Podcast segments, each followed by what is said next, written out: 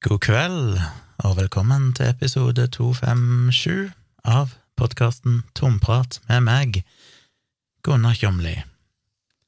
Og jeg sitter her på mitt lille kontor og er nettopp gøffa på med vifteovn for å prøve å få litt varme her, før jeg begynte å spille inn, men må jo skru an når jeg faktisk skal spille inn. I går så fikk jeg min eh, tredje dose av eh, covid-vaksine, koronavaksine, SARS-CoV-2-vaksine pandemivaksine, whatever. Og eh, jeg endte opp med å få en Pfizer, som jeg har fått to av før, så dette ble tre ganger Pfizer. jeg snakka litt om det i uh, Hilsen Jo, jeg snakka vel kanskje om det i Nei, nå husker jeg ikke. Et eller annet sted jeg snakka om det før. Jeg går i surr, snakker så mange plasser. Men uh, det var en uh, interessant opplevelse, bare fordi de to første dosene tok jeg jo i Oslo, Eh, og jeg bodde jo på ja, Haugenstua, som vel tilhører Stovner bydel, og ble vaksinert, eh, som igjen Jeg tilhører egentlig teknisk sett Stovner bydel, men jeg ble vel innkalt eh, i Alna bydel, skjønte aldri helt det, vi var kanskje litt i grenseland, og vaksinerte meg et eller annet sted, som jeg ikke husker, et eller annet senter, og der var det jo veldig bra opplegg, som jeg vel har fortalt om før. Du kom inn, ble tatt imot av noen som registrerte deg, kryssa deg av på ei liste, fulgte skilting og markeringer på bakken der det sto akkurat med biler og fottrinn og alt hvor du skulle gå hen, opp en etasje eller hvor det var. Kom til et nytt rom der du ble tatt imot av noen som sa at ja, du kan sette deg her og vente. Så satt den der og venta helt til den ble henta, så var det inn og så få vaksinen, og noen hadde fått vaksinen. Så var det ut igjen, eh, følge pilene på gulvet igjen, var tydelig merka hvor han skulle gå. Ble tatt imot av noen på nytt i et venterom, fikk henvist en plass der, og så satt du der så lenge som du skulle, og så når tida var ute, så kom de og henta deg, de fulgte med på tida, og takka for i dag, og småprata litt, og sendte deg av gårde, og så var det tydelig merka hvor du skulle gå ut igjen for å komme ut av dette senteret. Så alt var jo veldig enkelt, det var liksom bare sånn samlebånd, det var bare å finne riktig inngang, og så gikk resten av seg sjøl. Sånn var det jo ikke her i Vennesla. Jeg skulle ta vaksinen på Vennesla legesenter, aldri vært der før. Jeg kjørte ned, fikk parkert, eh, fant inngangen, og allerede da så var jeg litt sånn rådvill. Hvor skal jeg gå hen nå? Måtte kikke på noe skilt og sånn, så sto det ja, ok, Vennesla legesenter, det er i tredje etasje. Så jeg gikk opp i tredje etasje. I den innkallingen jeg hadde fått, både når jeg først bestilte og en sånn påminnelse jeg fikk dagen før på SMS, så sto det at jeg skulle vaksineres på Vennesla legesenter klokka fem. Det var bås 1A, sete 5 tenkte jeg ja, det hørtes jo veldig organisert ut. Så jeg kom opp der, og så kom jeg til et venterom var, der døra var lukka og alt, og det var flere dører der, så jeg var først litt usikker på hvorfor ei dør jeg skulle gå inn. Det var liksom ikke merka vaksinering eller noen ting sånn. Men jeg så det satt noen folk inne bak ei glassdør, så tenkte jeg det må være her, da så gikk jeg inn. Og så tenkte jeg ok, bås 1A, CT5, hvor finner jeg det hen? Og det var ikke merka noe tall noen plass, så jeg sjenert som jeg var, turte ikke å spørre noen, det. Satt sikkert en 20 mennesker der inne på litt forskjellige plasser, stoler langs veggene, så tenkte jeg går bare og setter meg, da, jeg blir sikkert ropt opp. Så jeg gikk ned og satte meg en plass, og drog fram mobilen, som en jo gjør, satt og dilla med den. Og det kom noen flere folk, og så kom det blant annet et par damer inn, og da var det ei som satt litt lenger borte, ei av pasientene, ei av de som satt på venterommet, som bare sa til de skal dere ta vaksine, og så sa de ja. Ja, da kan dere bare gå inn der. Og når jeg hørte det, så måtte jeg òg reise meg opp og gå, som jo alltid er flaut. Eh, men ok, så gikk jeg etter de, inn ei dør, kom inn i en ny gang der med mange dører.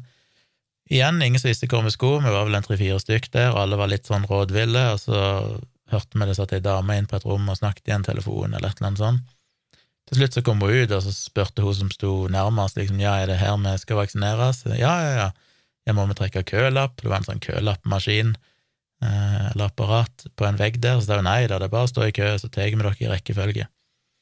Og etter det gikk det jo greit, det var vel en nummer tre i køen, og så var det fort gjort, og superhyggelig hun som vaksinerte meg, vi prata litt om dette med vaksiner, eh, at jeg egentlig hadde et lite håp om å få Moderna, men eh, jeg var fornøyd med Pfizer òg.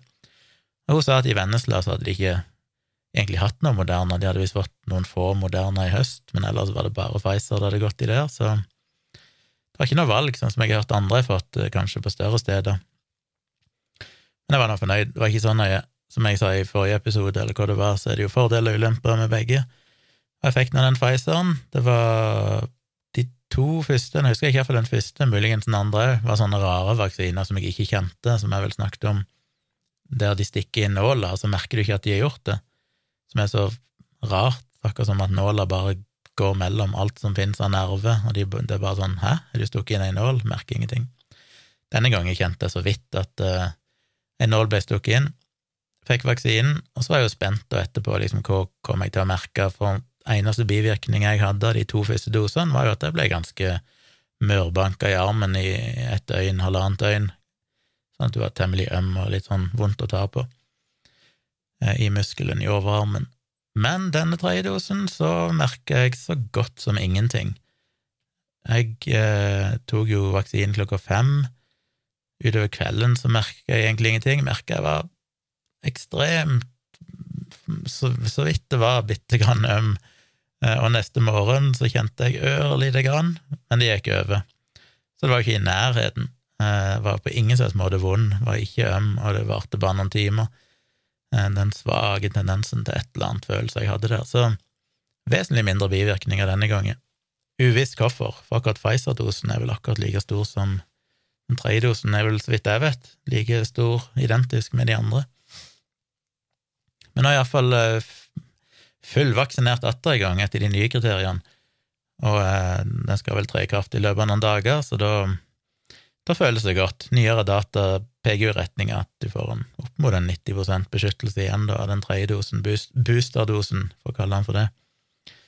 Og det føles jo greit på én måte, selv om jeg må innrømme at jeg vil egentlig ikke frykte eh, covid-19 lenger. Etter du har to doser, så er du fortsatt såpass godt beskytta at det skal veldig mye til at du blir alvorlig syk. Det er vel praktisk alt ingen som er innlagt på sykehus med alvorlig sykdom som ikke er underliggende tilstander fra før, som er under 65 Eh, som er vaksinerte, så det er liksom Da skal det være Da er det større sjanse for at det blir påkjørt eh, på vei til vaksinering, eller krasjer bilen på vei til vaksinering, omtrent. Det er liksom litt der.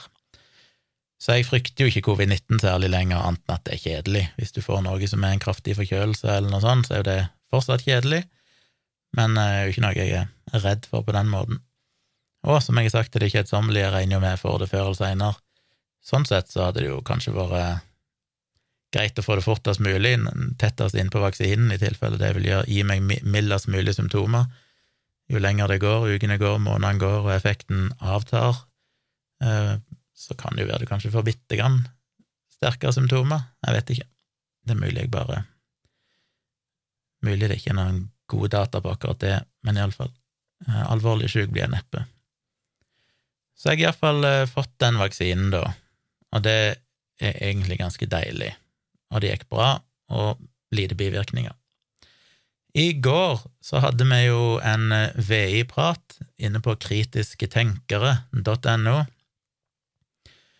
og gjest var Dag Sørås, og det syns jeg var utrolig gøy.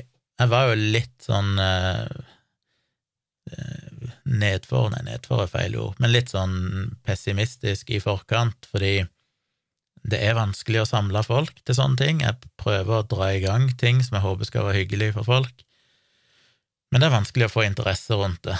Eh, så jeg har jo jeg oppretta vel denne for en ukes tid siden.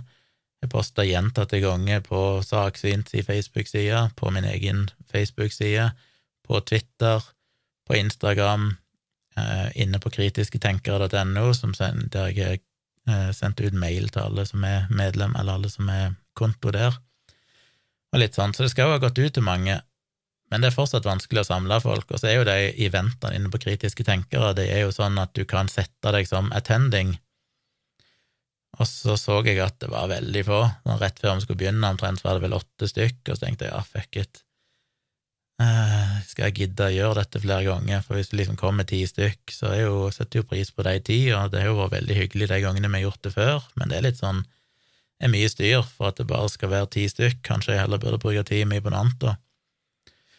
Så kom det iallfall Dag, han logga seg på, eh, teknikken virka greit, eh, vi begynte å slippe inn andre i Zoom-konferansen, og så plutselig så dukka det opp så mange, så var vi jo 25 eh, vel på det meste. Og det jo Det var jeg jo veldig fornøyd med. 25 er et eh, godt antall. Selvfølgelig hadde det vært gøy om det en dag var 50 og 100 og et eller annet sånt, men jeg vet ikke hvor grensa egentlig Zoom har for hvor mange deltakere du faktisk kan ha. Men veldig kult, syns jeg, at 25 var med. Selvfølgelig var det jo 25 der eh, Ja, hva var det? Det var i tillegg til meg, Dag og Tone, vi tre prata, mest meg og Dag, så var det vel tre andre som prata, resten var bare passive tilhørere. Og det er jo lov. Eh, et mindretall hadde vel på kamera og mikrofon, men eh, det er jo lov. Litt kjipt, selvfølgelig, det er alltid gøyere å se litt ansikter der inne. Men jeg har jo sagt at det er lov, og sånn er det, og jeg skjønner jo at mange bare ønsker Det hadde jeg sikkert gjort sjøl òg. Hadde ikke jeg vært arrangør og skulle bare delta på noe sånn, og kunne hatt kamera av, så hadde jeg jo hatt kamera av, så det skjønner jeg jo. Men, eh, men ja, poenget med disse veiepratene er jo at det skal være en samtale. Folk skal ha mulighet til å prate med meg og med gjestene som er der. Men det ender jo som regel opp med å bli omtrent som at de bare er tilskuere på et intervju, så det er litt synd. Men jeg skjønner det, jeg hadde nok ikke vært den første til å ta ordet, jeg heller, i en sånn setting. Så takk til dere som eh, var der, og en ekstra takk til dere som eh, bidrog med noen innspill og, kommentarer. Eh, jeg syns det ble kult. Det var, det var nesten litt sånn nostalgisk å sitte og prate med Dag igjen. Det ble jo nesten som disse livestream-episodene av Dialogisk etter at pandemien starta, der vi satt i hvert deres kontor eh, eller studio, prata med hverandre. Fikk litt samme følelsen. Det var til og med en eh, som før vi starta, ba, hadde en bønn, og det var om vi kunne starte praten vår på samme måte som vi pleide å starte dialogisk, der Dag sier 'God kveld, Gunnar'. og det gjorde han, så da fikk han det ønsket sitt oppfylt. Så dere som ikke var der, gikk jo glipp av noe. Var, vi hadde en, eh, en, spennende prat om uvaksinerte, og etter hvert så, så fløyt praten mer og mer over i Joe Rogan og eh, andre covid eh, Jeg skal ikke si covid-fornektere, for han, er jo, ja, han, er jo, han grenser jo til en covid-fornekter.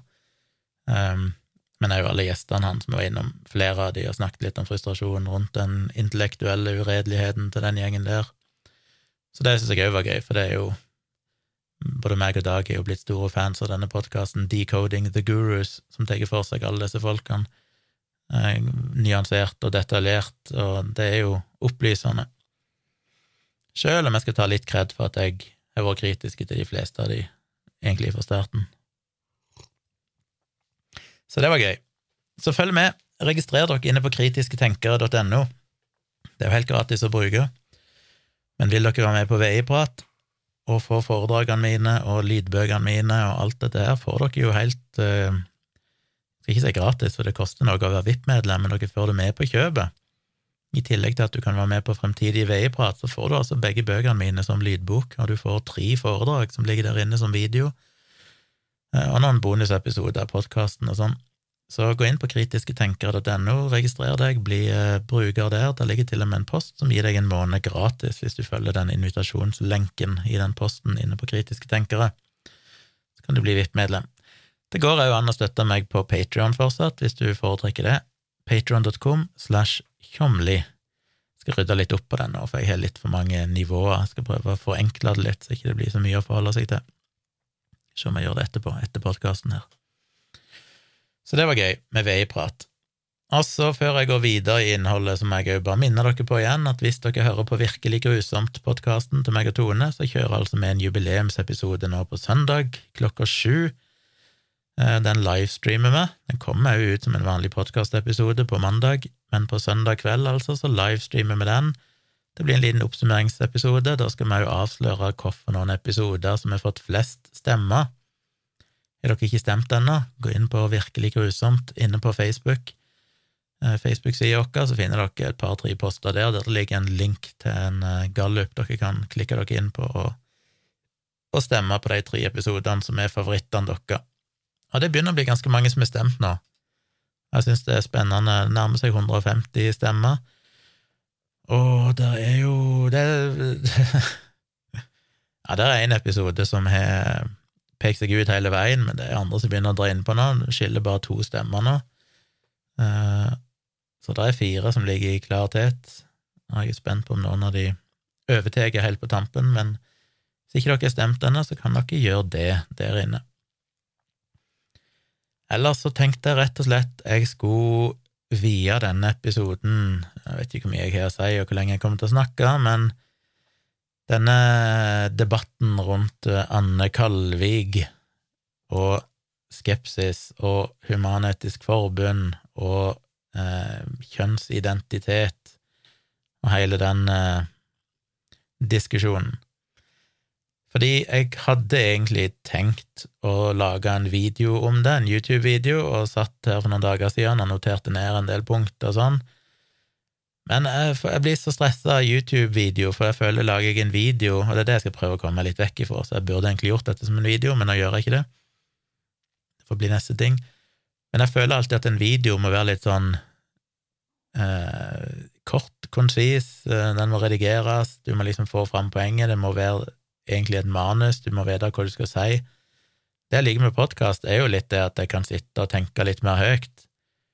Og det funker kanskje ikke så godt på YouTube, men jeg har jo lyst til å prøve å gjøre det på YouTube òg, og prøve å lage jevnlige episoder der jeg heller bare ikke, ikke stiller så store krav til meg sjøl, men heller bare tenker at ok, jeg kan prate litt om dette temaet. Hva mener jeg? Ta det som en mening, meningsytring. Så det får vi se.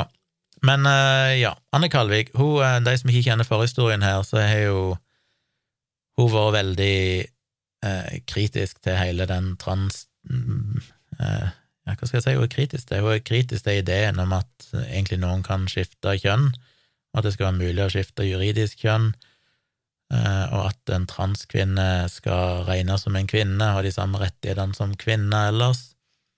Alt dette her. Dette er jo hun en lang historikk med.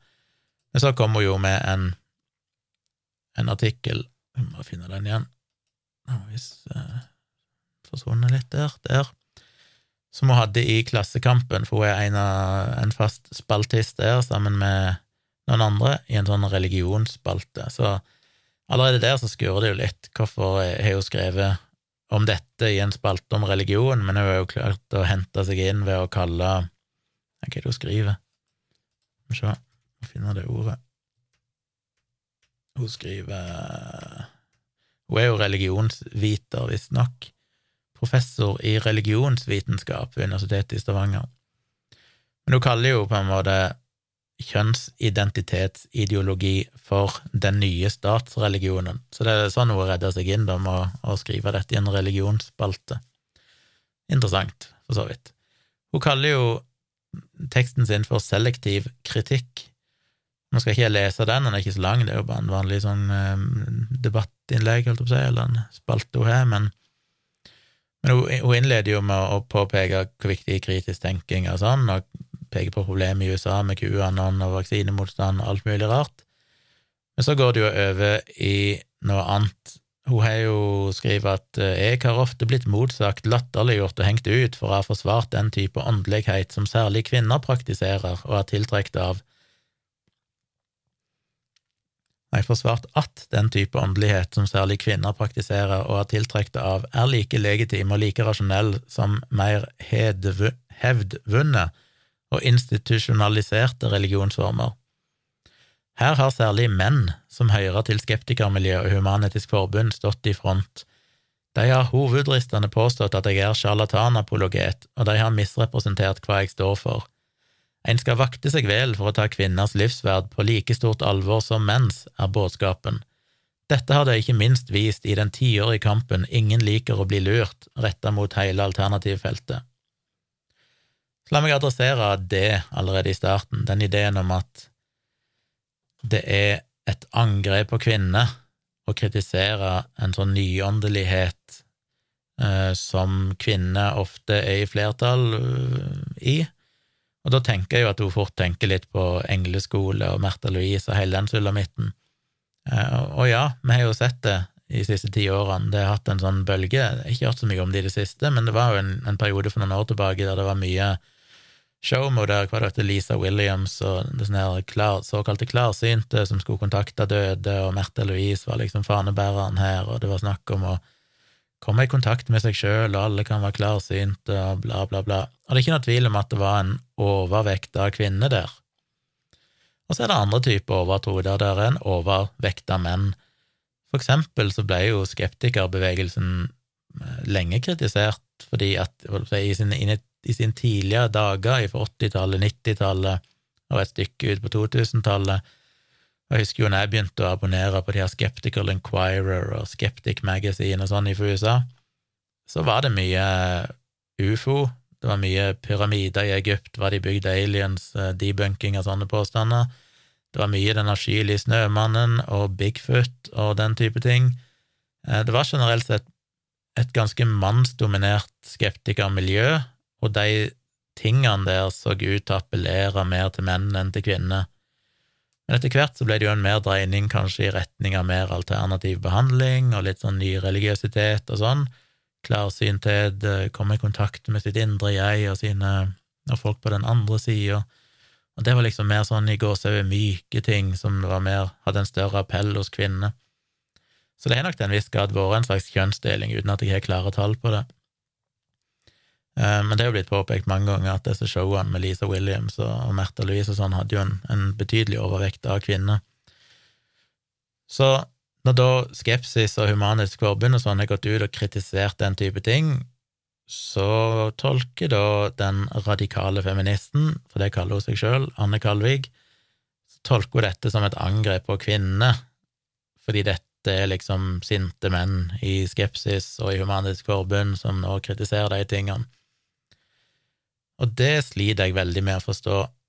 For det første så fremstår det jo som at hun ikke anerkjenner at det finnes kvinnelige medlemmer i Skepsis, som er litt rart, ettersom de to siste lederne i Skepsis har vært damer. Eh, et flertall av medlemmene i Humanitisk Forbund er kvinner. Og det er det som alltid er så rart, det, det blir litt som med sexarbeiderdebatten, dette med at hvis du skal jobbe, hvis du skal være feminist, så må du vel jobbe for kvinners rettigheter til å velge sjøl. Og her, her, avskriver jo egentlig alle kvinner som totalt viljeløse, uh, usynlige individer i to foreninger, uh, Humanitisk Forbund og Foreningen Skepsis, mens det er jo helt motsatt. Når jeg ikke har hatt så mye med Humanitisk Forbund å gjøre sånn internt, vet ikke hvordan de driver, men de har jo flere, et flertall av kvinnelige ledere. Skepsis har jeg vært litt involvert i for mange år siden. Jeg vet jo at damene der var jo minst like på, barrikadene og minst like eh, engasjerte og opptatt av alt dette her som menn var.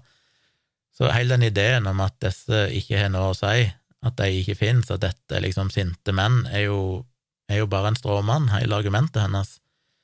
Og jeg, jeg skjønner ikke helt eh, poenget der. Og det er litt sånn Ok, så hvis, da, hvis jeg da hadde skrevet uh, masse kritikk av ideen om ufoer og, og, aliens og Bigfoot og sånn, så tviler jeg på at hun ville hevde at jeg gikk ut og angrep menn. Men hvis jeg da skriver om akupunktur, kritiserer akupunktur eller nyreligiøsitet, der det er kanskje en overvekt av kvinner, så er det plutselig et angrep på kvinner. Det er en veldig merkelig kritikk som jeg sliter med å forstå, så, så allerede der så mister hun meg veldig. Uh, hun fortsetter jo videre da med å skrive at uh, skeptikerne har holdt opp ei rasjonalistisk fane og toga fram for å avsløre uvitenskapelig tenking og udokumenterte påstander når dette skjer på religionens område, er det fåfengt, fordi dette nettopp er religionens eksistensvilkår. At store og gamle religioner har gått fri for at ingen liker å bli lurt, medan nye og kvinnedominerte har vært skyteskiver, har vist at dette også er en selektiv, malplassert kritikk. Men jeg har sans for at skeptikerne på andre områder slåss mot vankunne og vrangforestillinger. Så hun fortsetter egentlig med det samme, men hun sier jo da at eh, Eh, skeptikerbevegelsen og Humanitisk Forbund i veldig liten grad har kritisert de store, etablerte religionene, kristendom, islam, jødedom osv., mens derimot disse her litt mer sånn nyreligiøse strømningene, der det ofte er en overvekt av kvinner, de har blitt kritisert. Og hun, hun pirker jo borti noe som har vært en sånn stridskjerne for så vidt i skeptikermiljøet i alle år. Det har vært litt todelte meninger der. Mange har vært tydelige på at eh, det ikke er skeptikernes eh, rolle å kritisere religion. Religion har på mange måter vært holdt litt utenfor. Eh, bortsett fra hvis det kommer religiøse påstander om noe helt konkret som det går an å teste, for eksempel den gråtende statue av jomfru Maria i eh, Roma eller Italia et eller annet sted, altså sånne ting du faktisk kan teste, så er det jo ofte folk som går ut og sjekker det og skriver om det og sånne ting. Men ideen om at det skal finnes en gud eller noe sånt, det er jo ikke vært et tema som skeptikerbevegelsen har brydd seg veldig mye om, fordi det er en slags respekt for at folk kan få lov å, å tro på det de vil. Det er i det øyeblikket de, de begynner å praktisere det på en måte i den virkelige verden, alt seg, som er farlig, eller som er mulig å, å faktasjekke, at uh, en kan gå inn og faktasjekke det. Og så er det jo mye gråsone der, selvfølgelig. Det er jo vanskelig å trekke grensene for når bør en gå inn og si at dette faktisk er vås, uh, og når bør en bare møte det med respekt. Men det er jo allikevel et slags skille mellom de, de tradisjonelle, liksom kristendom, eh, islam, jødedom, eh, for så vidt hinduisme, buddhisme, alle sånne gamle, store religionene, og engleskole. Fordi nettopp fordi det er helt nytt, nettopp fordi det er relativt snevert og smalt, og nettopp fordi at det overlapper veldig med bare ren overtro eh, av type liksom alternativ medisin og konspirasjonstenking, som det jo egentlig gjør, så er det kanskje mer tiltalende å adressere det, og ikke minst fordi det er et mye tydeligere kommersielt aspekt. Om noen går i statskirka på søndag og tror på Gud, så er det relativt lite problematisk, men hvis du driver og selger kurs der folk skal komme i kontakt med seg sjøl og sin døde bestemor, og betale store summer for det, eh, så er det plutselig kommersielt, og det er mye mer spekulativt på en måte som det er mer naturlig å kritisere. Så det har jo jeg og andre kritisert. På en annen side så har jo ikke ingen liker, altså ingen liker å bli lurt, og skepsis har jo da ikke skygga unna tradisjonelle religioner fordi de er dominert av menn, eller fordi de da ikke er dominert av kvinner, eller et eller annet sånt. Som jeg nettopp sa, både Skepsis og Human-Etisk Forbund har jo aldri vært ute og tatt for seg religion på den måten. Eh, sånn som Human-Etisk Forbund sin, eh, sitt budskap er jo at de ønsker å ha um, altså likestilling, altså likebehandling. Human-Etisk Forbund sin jobb eller mål har jo aldri vært å bekjempe religion eller fjerne religion, det er kun kjempe for rettighetene til ikke-religiøse, at de skal ha de samme rettighetene, samme mulighetene, samme tilgang til religiøse, eller seremoni, seremonielle bygg og alt dette her, begravelser, bryllup, alt sånn. Eh, så det er jo det de har jobba med, og Ingen liker å bli lurt-kampanjen, eller aksjonen, hadde jo ingenting med religion å gjøre, på samme måte som skepsis aldri har gått etter religiøse eller religion på den måten. Så hun misforstår litt. Hun tolker det som at vi bare skygger unna alle de tingene der, men med en gang det kommer noe der kvinner dominerer, da går vi på dem, for det er vi sånne onde, fæle menn, som jo er bare som er en, en merkelig pervertering av det som faktisk er tilfellet. Så skriver hun videre, og nå kommer hun over på dette med transdebatten.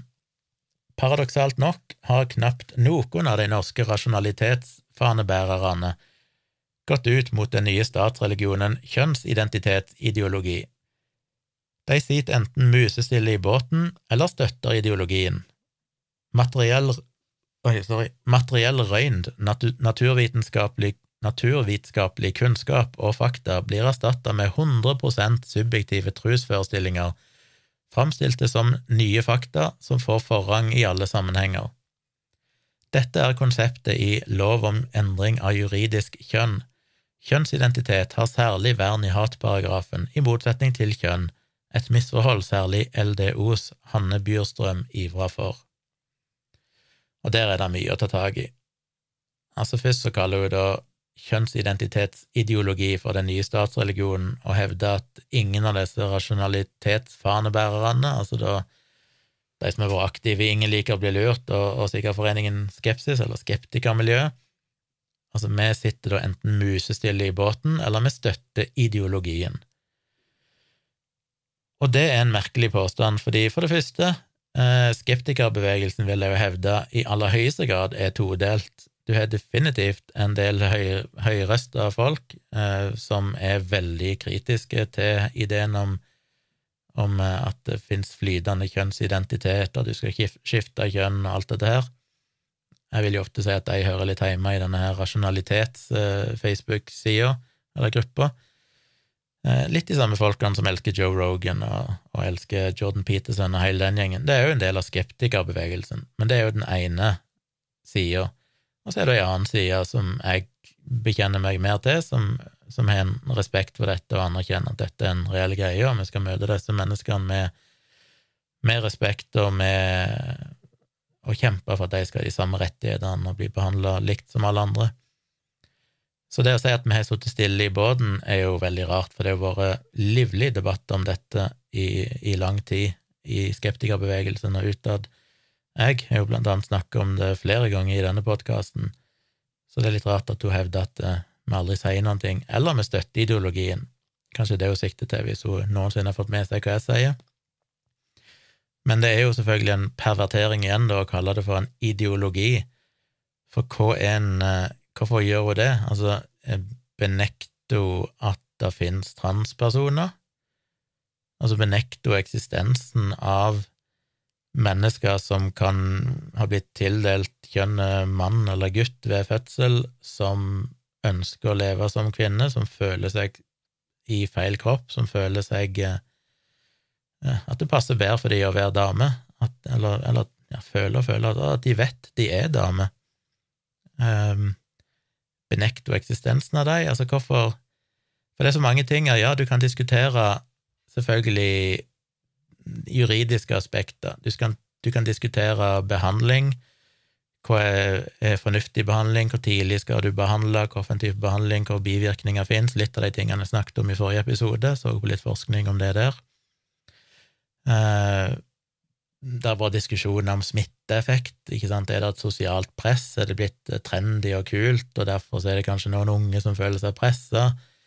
Eh, Hvilken aldersgrense bør vi ha for alt dette her? Og sånn. Ja, selvfølgelig er det legitime debatter å ha, og de tror jeg ingen sier at vi ikke kan ha. Der er vi jo, der, der er vi en vei å gå, det er mye som må finnes ut av, forskningen eh, må på plass på en del områder og sånn, men du kan ikke benekte at disse menneskene fins. Så hvordan kan en kalle det for en ideologi, det at en anerkjenner at kjønnsidentiteten ikke er fastsatt uh, ut ifra det en lege sier når du blir født? Det er det jeg ikke skjønner. Så allerede der så avslører hun at hun mener jo at dette er mennesker som ikke egentlig finnes, eller dette er sosiale konstruksjoner som ikke er verdt å ta seriøst. Og dermed er det jo hun som definerer dette som en ideologi. Hva kaller du det? Altså, hun, hun kritiserer oss for å støtte eh, et fenomen som hun egentlig har konstruert sjøl, mens ifra vårt synspunkt, vi som støtter i gåsehud ideologien, så handler det jo bare om å respektere mennesker som vi vet eksisterer, og som fortjener den samme eh, omtanke og kjærlighet som alle andre. Så det er vanskelig å forstå. Det, det sier litt om hvor hun står hen i den, den diskusjonen. Og så sier hun òg at naturvitenskapelige fakta, eller kunnskap og materiell virkelighet og, og fakta og sånn blir erstatta med 100 subjektive trosforestillinger. Og igjen, hva sikter hun til der?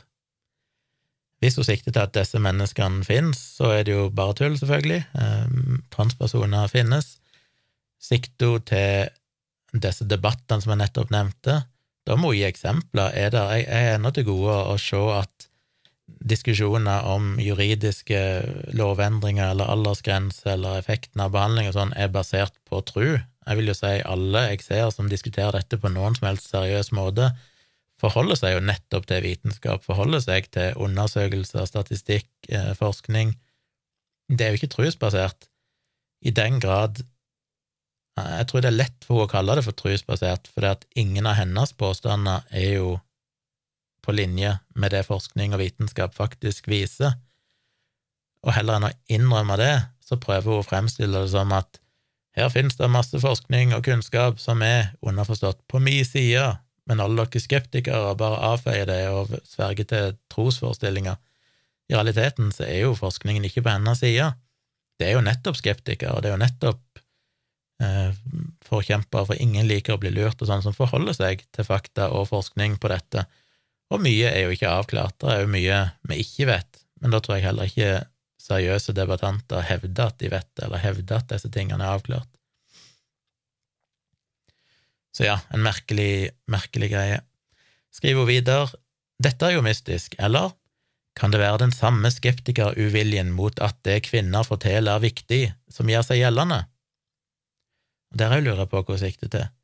At en skeptikeruvilje mot at det kvinner forteller er viktig eh, Igjen så er det vel litt sånn todelt der òg, føler jeg, og delingen går vel omtrent akkurat eh, på samme sted som jeg nevnte i stad.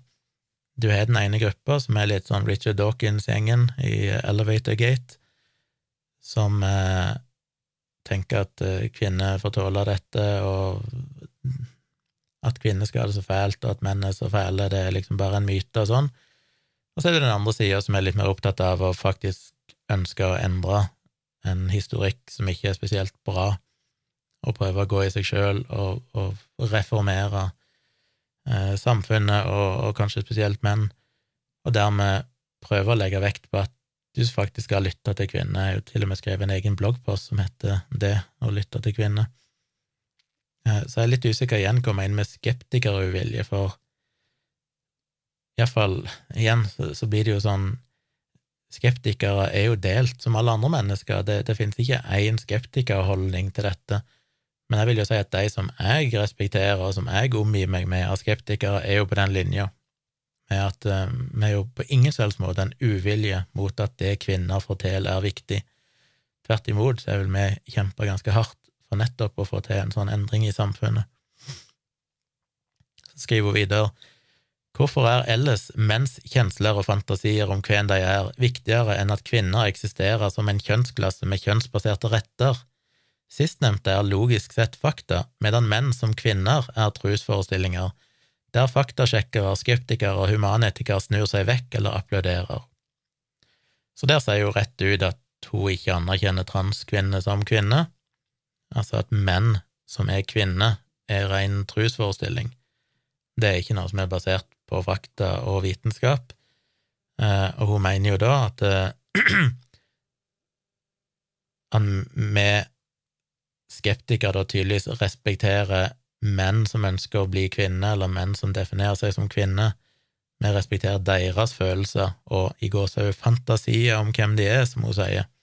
Igjen, hun anerkjenner jo ikke da at det, det faktisk finnes transpersoner i realiteten. Hun mener jo at dette bare er fantasier. De menn som har valgt å definere seg som kvinner, lever i en fantasiverden.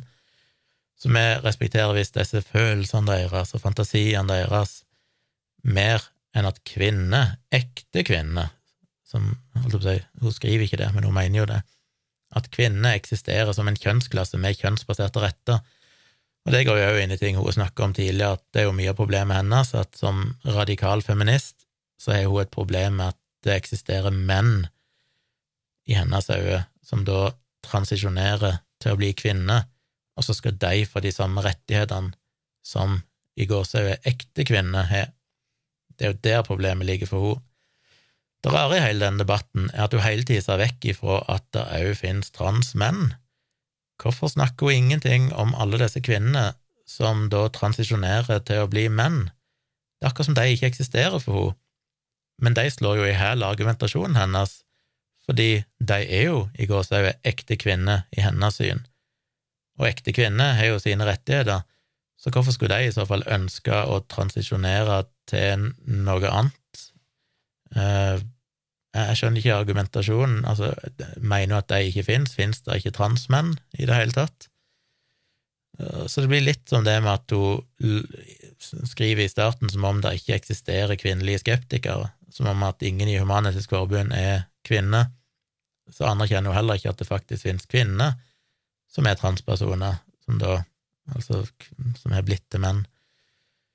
Det er merkelig hele greia at jo alt handler om at det er liksom menn som kommer og tramper på rettighetene til kvinner, men så ser hun ikke at ja, men dette går jo begge veier, dette handler jo om å gi de samme rettighetene, enten du er, er mann som vil bli kvinne, eller kvinne som vil bli mann. Eh, men hun mener da at vi skeptikere og faktasjekkere og humanetikere, vi bare snur oss vekk og applauderer. Så det er det som ligger i kjernen av alt det hun driver med. Det er en sånn, og I en debatt på Facebook så var det jo noen som kalte henne for en terf, en turf, Og så var det ei som reagerte på det og sa at det er jo ikke greit å kalle noen for det. Men jeg mener Anne Kalvik er jo selve definisjonen av en TERF, altså en transekskluderende radikal feminist. Det er jo det disse fire bokstavene står for. Hun kaller seg sjøl for radikal feminist. Det er ikke en betegnelse noen har gitt henne, hun skriver det sjøl. Og hun er transekskluderende, altså hun ekskluderer transpersoner som en del av definisjonen av hva en kvinne er, og de rettighetene som feminister kjemper for. Altså, transkvinner er ikke en del av den gruppa som hun som radikal feminist mener er kvinne og kjemper for. Altså per definisjon en terf. Så jeg kan ikke fatte at noen skal reagere veldig på at noen kaller henne for en terf. Det er en, en veldig grei, enkel måte å oppsummere veldig mye på.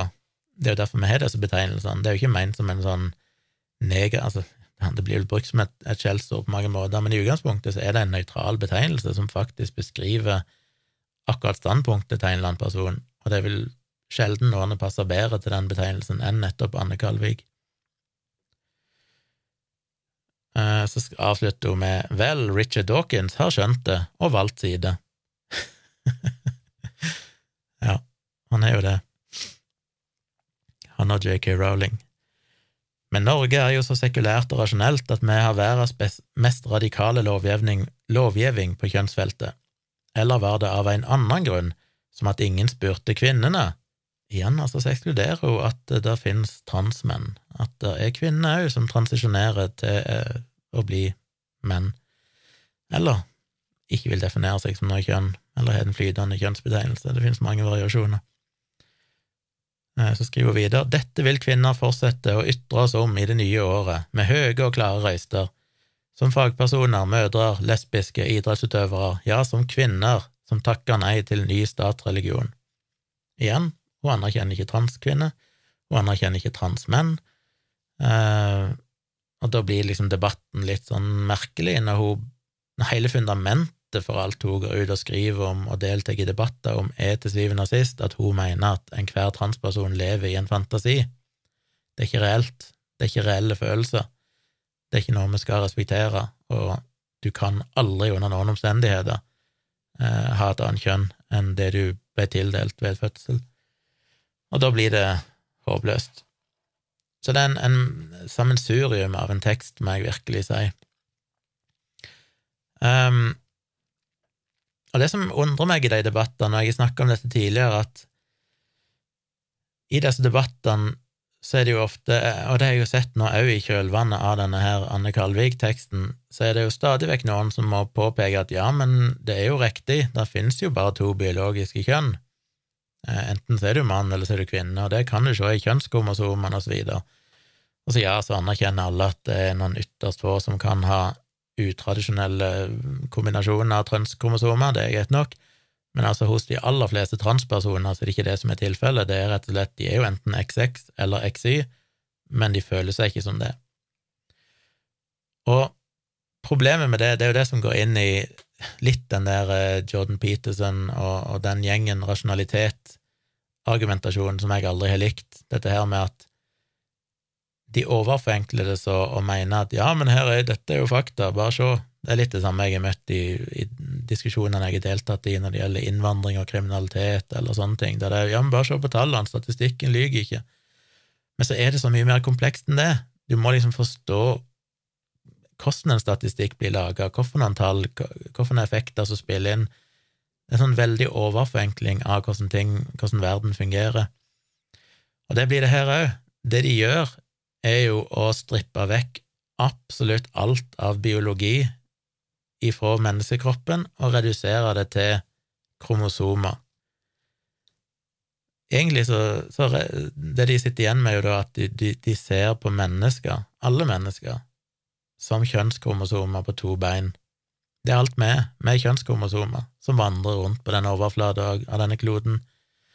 Og så glemmer de det, at vi har jo faktisk en hjerne og hvis du reduserer alt til kjønnskromosomer på den måten, så kan du like godt si at vi burde gå rundt og voldta, fordi det er jo en fin måte å spre genene sine på, spre genene sine til flest mulig, pul i vei, kjør på, ikke bry deg om om det er noen samtykke og sånn.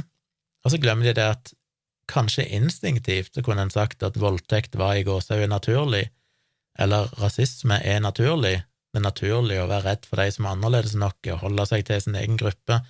Det er mange sånne ting du kan redusere til enkel biologi, men det som gjør oss til mennesker, er jo at vi har en hjerne med en moralfølelse, med muligheten til å analysere oss sjøl og være kritiske til våre egne instinkter og være bedre enn det. Jeg, vet ikke, jeg har ikke sett den sammenligningen før, og jeg håper ikke jeg bommer på et eller annet vesentlig poeng, men for meg blir det jo litt det samme som med homofili. Kunne du ikke ha erstatta alt det hun skriver, egentlig, med homofili, fordi du kunne jo brukt samme argumentasjon der, sagt at hvis du er mann og har romantiske og seksuelle følelser for andre menn, så eh, kan jo ikke det stemme, fordi du har jo XY-kromosomer, og vi vet jo ifra naturen, det som er naturlig, er at har du XY-kromosomer, så skal du like kvinner, skal like dem med XX. Dette kan ikke komme vekk ifra det at du tror som homofil, du som er mann og liker menn, det er jo bare følelser og fantasier. Du må jo forholde deg til virkeligheten, som er naturen, for det kan vi faktisk studere. Vi kan gå inn og sjekke dine kjønnskromosomer, de er XY, og da er du nødt til å like kvinner.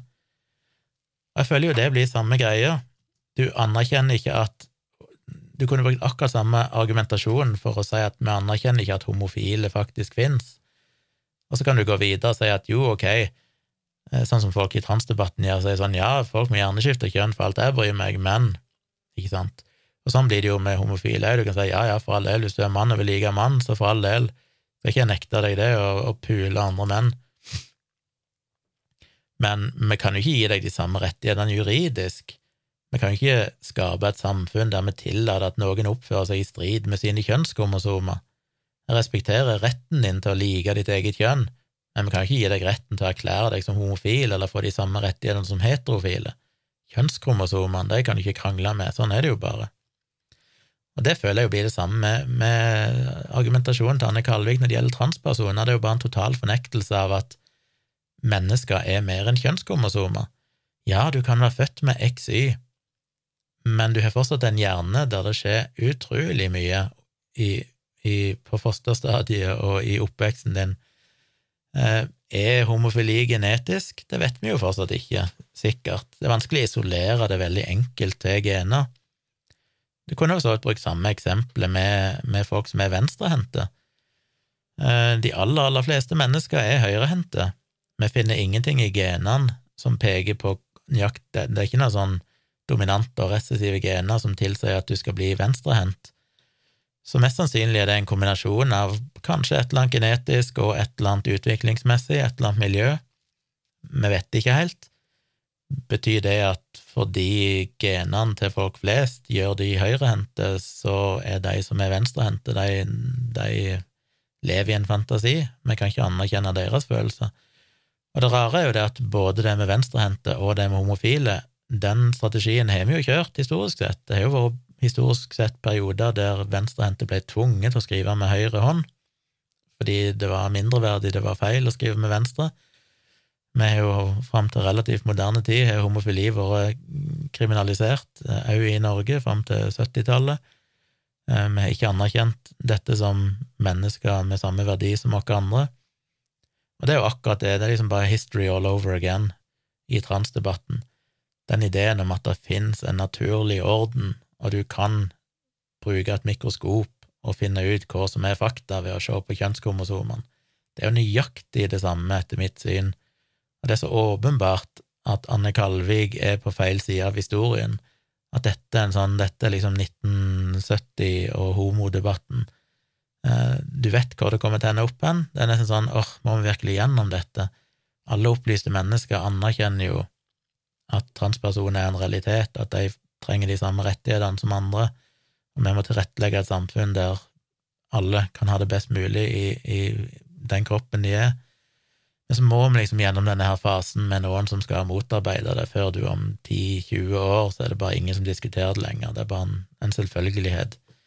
Men sånn er det jo, og det, det, er nesten som det ikke er verdt å gi det oppmerksomhet, men samtidig, nettopp fordi at transpersoner sjøl lider under sånne idioter som Anne Kalvik, så er en jo nødt til å, å, å si ifra at det faktisk ikke er greit å, å peke ut irrasjonaliteten og feilene i det hun sier. Og så er det så rart, de folkene som òg liksom rasjonalitetsfolkene som skal være så rasjonelle, Jordan Peterson og denne gjengen som prøver å fremstille seg som vitenskapens forkjempere, dette er jo bare å kalle en spade en spade, de som ikke aksepterer kjønnskromosomene, de lever i fornektelse. Men i realiteten så bedriver de jo verdens største cherrypicking av vitenskap. Det er, jo, det er jo som å drive med Det er jo som å argumentere for homopati, liksom. Fordi igjen, de ser bare på ett snever flik av det som definerer mennesket. De ser på, igjen, kjønnskromosomer og bare totalt ignorere all forskning, og ikke bare forskning, men òg bare altså det er ren logikk om at vi er mer enn kjønnskromosomene, vi har en hjerne som former våre opplevelser, vår identitetsfølelse. Det skjer jo så mye. Du kan være utsatt Nå sier ikke jeg at transpersoner eller homofile eller andre er det fordi de får utsatt for noe, men vi kjenner jo andre tilstander som er ekstremt alvorlige, eh, personlighetsforstyrrelser og ting som definitivt er en konsekvens av traumatiske opplevelser. Altså, vi vet jo at miljøet og hjernen eh, kan i så stor grad definere hvem du er. Det er ikke sånn at du er født med gener for å være sunn og frisk, og dermed er du sunn og frisk. Nei, det kan fortsatt skje ting som former hjernen din. Eh, du kan til og med få ADHD av, av eh, hjerneskader og så videre. Så det er ideen om at hjernen ikke skal spille noen rolle i dette, er veldig, veldig merkelig. Og om det da skjer allerede på, som en konsekvens av gener eller som miljø, om det skjer på fosterstadiet eller seinere, så må vi fortsatt anerkjenne at det er ikke noe du bare kan fornekte eller benekte. Hjernen er en minst like viktig del av hvem vi er, som det kjønnskromosomene er. Ja um, så det er en generelt dehumaniserende måte å snakke om mennesker på som, eh, som blir brukt. Og så Bare se hva jeg skrev her når jeg satt og, og tenkte på dette her. Ja, nei, bare sånn avrundingsmessig så tenker jeg at det jeg ofte føler Og her vil jo selvfølgelig alle hevde at de er enig med meg, selv om jeg vil mene at noen av de som sier de er enig med meg, ikke egentlig er det. Og det er jo det at jeg mener at skeptisisme til syvende og sist må handle om å skape en bedre verden. Det handler om, hva som jeg skrev inne på Facebook, at tar du empati og medmenneskelighet ut av skeptisisme, så ender du opp med Facebook-sida rasjonalitet, eh, eller Jordan Peterson, eller enkelte av de folkene.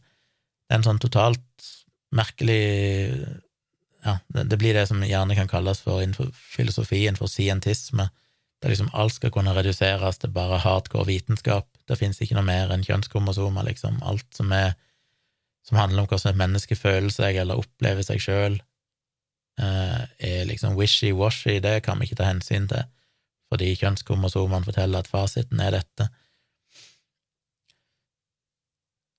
Så det, det, det, det er jo liksom bare Og jeg, jeg, jeg vil føle sjøl snakka mye om det, at jeg føler nok jeg begynte til en viss grad mer i den enden, at jeg òg var nok mer eh, hardcore scientist tidligere, i den grad at jeg eh, var veldig opptatt av at alt skulle kunne reduseres til liksom fakta og, og tall.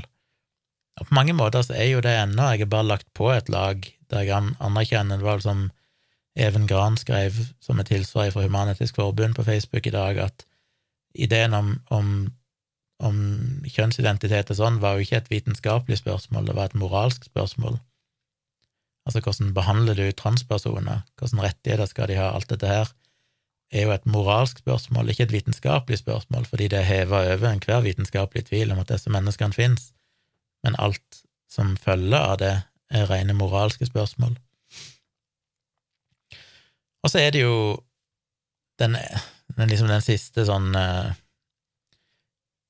problemet her oppi det, som jeg vel var innom igjen når vi snakket litt om dette i Dialogisk i sin tid, det er jo det at til syvende og sist så føles det jo som at begge sidene av saken gjør problemet verre. Fordi etter mitt syn, og dette jeg jo snakket om i tidligere i denne podkasten, så skulle jeg ønske at vi kunne i mye større grad komme oss vekk ifra ideen om at kjønn var viktig. Altså, i det ideelle samfunn så hadde vi ikke trengt transpersoner, fordi at det var egentlig ikke noe kjønn du definerte deg som. Vi var bare mennesker, alle sammen. Og det er vanskelig å finne ut i hvilken sammenhenger vi trenger kjønn. Det eneste jeg kom fram til, det er du, du trenger Kjønn er relevant når du skal forplante deg. Hvis jeg vil ha barn, så må jeg gjøre det med noen som har de organene som en kvinne har. Eh, det er alltid vanskelig terminologien her, som en kvinne har, det blir jo feil, men som eh, ja, de som har de organene. Jeg må forplante meg med et menneske som har de organene. Men sånn sett er det jo ikke viktig teknisk sett om den personen definerer seg som mann eller kvinne, det er jo organene som er viktige.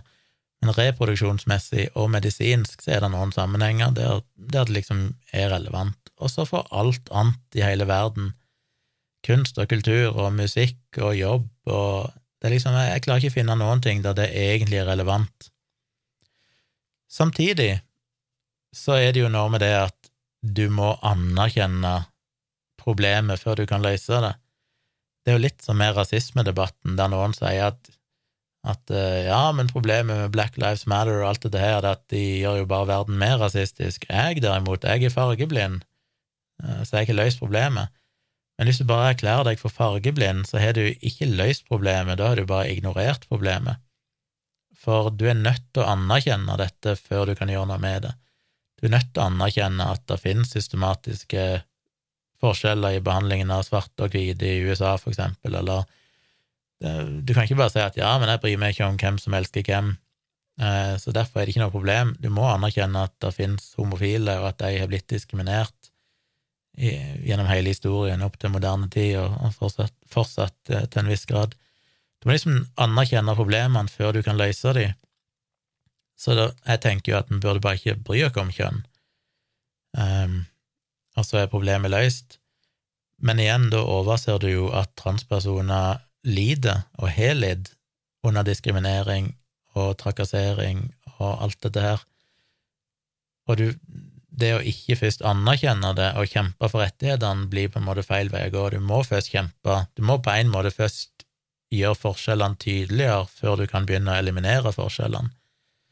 Og til en viss grad så føler jeg vel kanskje vi har gjort det innenfor uh, i homokampen, at jeg tror for de aller fleste mennesker nå, så er, er liksom uh, Og det er mulig det oppleves forskjellig hvis du faktisk er homofil eller et eller annet, men, men det føles jo, fra mitt perspektiv, så er det sånn, er det noen som bryr seg lenger?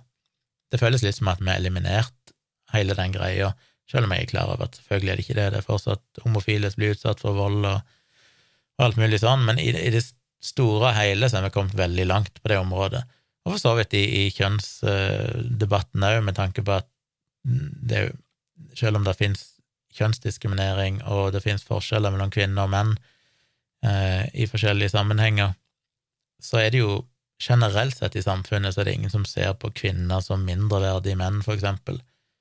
Men du må jo på en måte, men det er jo en konsekvens av at vi har hatt mange tiår nettopp med feminisme og kjønnskamp, og nettopp synliggjort de tingene før du kan komme forbi det.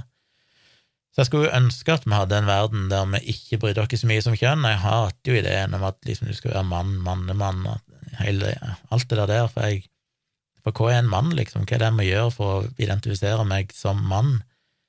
For noen rolle det må fylle? Jeg vet ikke, jeg er bare meg, jeg har ikke lyst til å bry meg om de tingene. Men vi kan ikke bare avfeie problemet så lett, vi må anerkjenne greia før vi snakker om det. Så, så ja, jeg ønsker jo iallfall å synliggjøre det og ta den debatten. Jeg syns jo Anne Kalvik er ganske så forkastelig, rett og slett, som menneske. Lurer litt på hvor hun kom ifra som har gitt henne de ideene. Det virker jo som at hun, hun, hun, hun gir jo hun menneskeliggjør jo på en måte den der karikaturen av en radikal feminist som en sånn mannhater, mannehater. Og det er vanskelig å ikke komme innom det når du bare ser måten hun skriver på, der liksom alt er menns angrep på kvinner, og så anerkjenner du ikke at ja, men det finnes jo kvinner som skifter kjønn. Det finnes òg kvinnelige skeptikere, det finnes mange kvinner som er helt uenige med henne. Jeg vil anta at kanskje de fleste kvinner er uenige med henne, men i hennes verden så taler hun for alle kvinner, og det er liksom menn som ødelegger for dem og bare vil ødelegge for damene. Eh, og anerkjenner transkvinner bare fordi at det egentlig er menn, og de kan da tråkke på kvinners rettigheter. Det er et eller annet sånn merkelig argumentasjon som, som bare fremstår som for meg veldig absurd. Jeg vet ikke om jeg har noe mer å si om det. Det godt ikke Skulle jeg ha lagt en video, så måtte jeg ha formulert meg bedre enn dette, for her var det jo mye surr. Men det er nå min måte å tenke litt rundt de her tingene på. Som vanlig så må dere gjerne gi meg eh, feedback. Jøss, yes, det var akkurat en time, det òg. Jeez. Eh, send meg mail på tompratpodkast at gmail.com hvis dere har tilbakemeldinger, kritikk, ros, tips til ting jeg skal snakke om, spørsmål til noe jeg skal snakke om. Eh, fyr løs på mail. Minn igjen om på søndag så blir det jo da altså en eh, livestream klokka sju. Jubileumsepisode er virkelig grusomt.